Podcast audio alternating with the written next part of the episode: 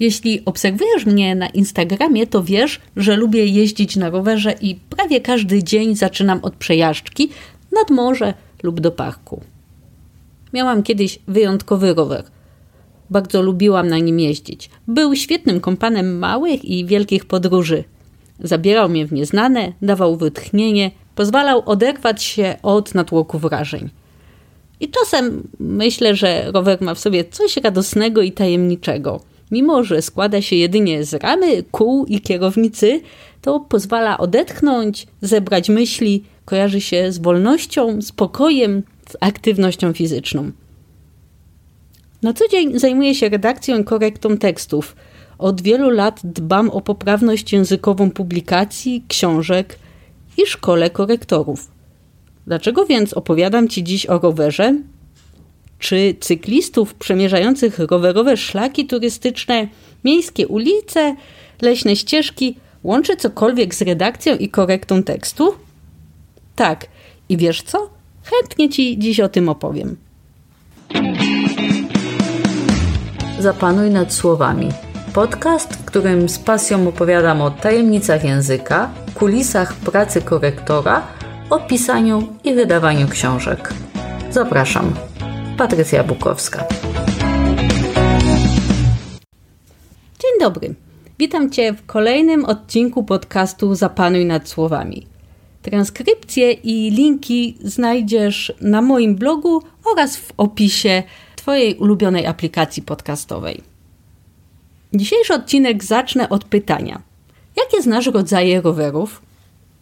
Myślę, że potrafisz wymienić przynajmniej kilka z nich. Mamy rowery górskie, miejskie, trekkingowe, szosowe, a nawet tandemy.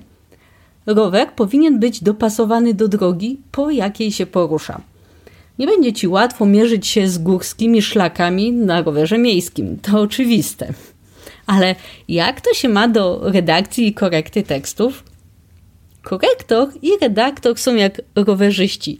Jeżdżą po różnych drogach, ale muszą mieć dopasowany sprzęt, bo przecież mierzą się z różnymi tekstami, z beletrystyką, z dokumentami prawnymi, z tekstami medycznymi, reklamowymi, z e-bookami, z publikacjami naukowymi i tak mogłabym tutaj e, wymienić e, jeszcze kilka, kilkanaście e, rodzajów tekstów.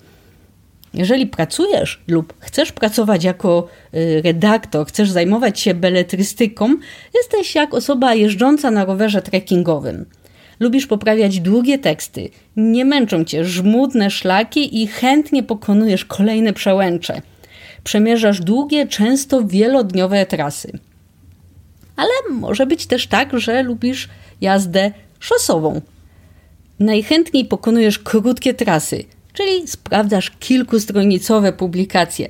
Świetnie się odnajdujesz w korekcie czasopism, ulotek, treści do mediów społecznościowych. Przyjemność sprawia ci szybkie poruszanie się po powierzchniach gładkich, wypolerowanych już przez redaktora. I choć ta analogia, czysto sportowa, może wydawać się banalna, kryje się w niej ważna prawda o tym zawodzie. By z lekkością wykonywać kolejne zadania, musisz wziąć pod uwagę cel i sposób, w jaki chcesz pracować. Nie idź pod prąd. Wykorzystaj swoje naturalne zdolności. Jak uczą eksperci z Instytutu Galupa, trenuj swoje umiejętności, te, które są Twoimi mocnymi stronami. Możesz oczywiście jadąc rowerem miejskim dojechać tam, gdzie chcesz, ale czy wiesz, gdzie chcesz dotrzeć?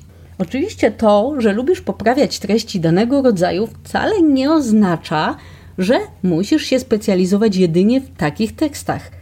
Pamiętaj, że jeżeli jeździsz tylko na rowerze miejskim, wcale nie będzie ci tak łatwo przesiąść się od razu na rower górski i bez problemu wjechać na szczyt. I analogicznie, jeżeli specjalizujesz się na przykład w korekcie tekstów prawnych, nie będzie ci łatwo zacząć redakcję powieści lub tekstów marketingowych. I oczywiście nie oznacza to, że mm, nie możesz się takimi tekstami zajmować, że jeżeli pojawi się takie zlecenie, musisz je odrzucić. Absolutnie nie.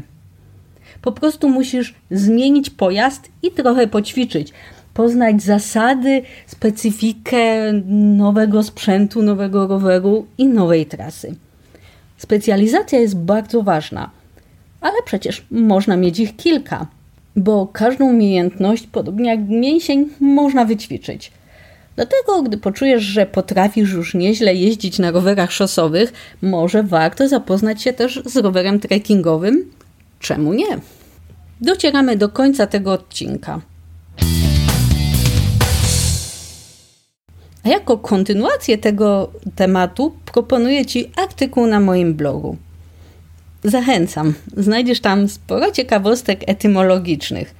Kolarz jeździ na kolarzówce, cyklista w cyklistówce, a rowerzysta? On po prostu ma rower. Sponsorem tego odcinka podcastu jest kurs Zostań korektorką. Uczę w nim, jak zarabiać na czytaniu. W kursie wzięło już udział kilkaset osób. Sprzedaż rozpoczyna się we wrześniu. Pokażę Ci drogę i pomogę Ci wystartować. Szczegóły znajdziesz na mojej stronie bukowska.pl ukośnik korektorka. I na koniec ciekawostka. Iść jak w dym. Mówimy tak o osobie, która idzie do kogoś lub gdzieś bez wahania. Porównanie to tkwi w realiach życia wiejskiego, gdzie dym wydobywający się z komina świadczył o obecności gospodarza w domu i dawał taką pewność, że ten, kto pójdzie do niego, nie zostanie zatrzaśniętych drzwi. Może też nawiązywać do zachowania osoby, która chcąc ratować kogoś lub coś od ognia, decyduje się działać natychmiast. To tyle na dziś. Dziękuję za wysłuchanie tego odcinka i do usłyszenia kolejnym. Cześć.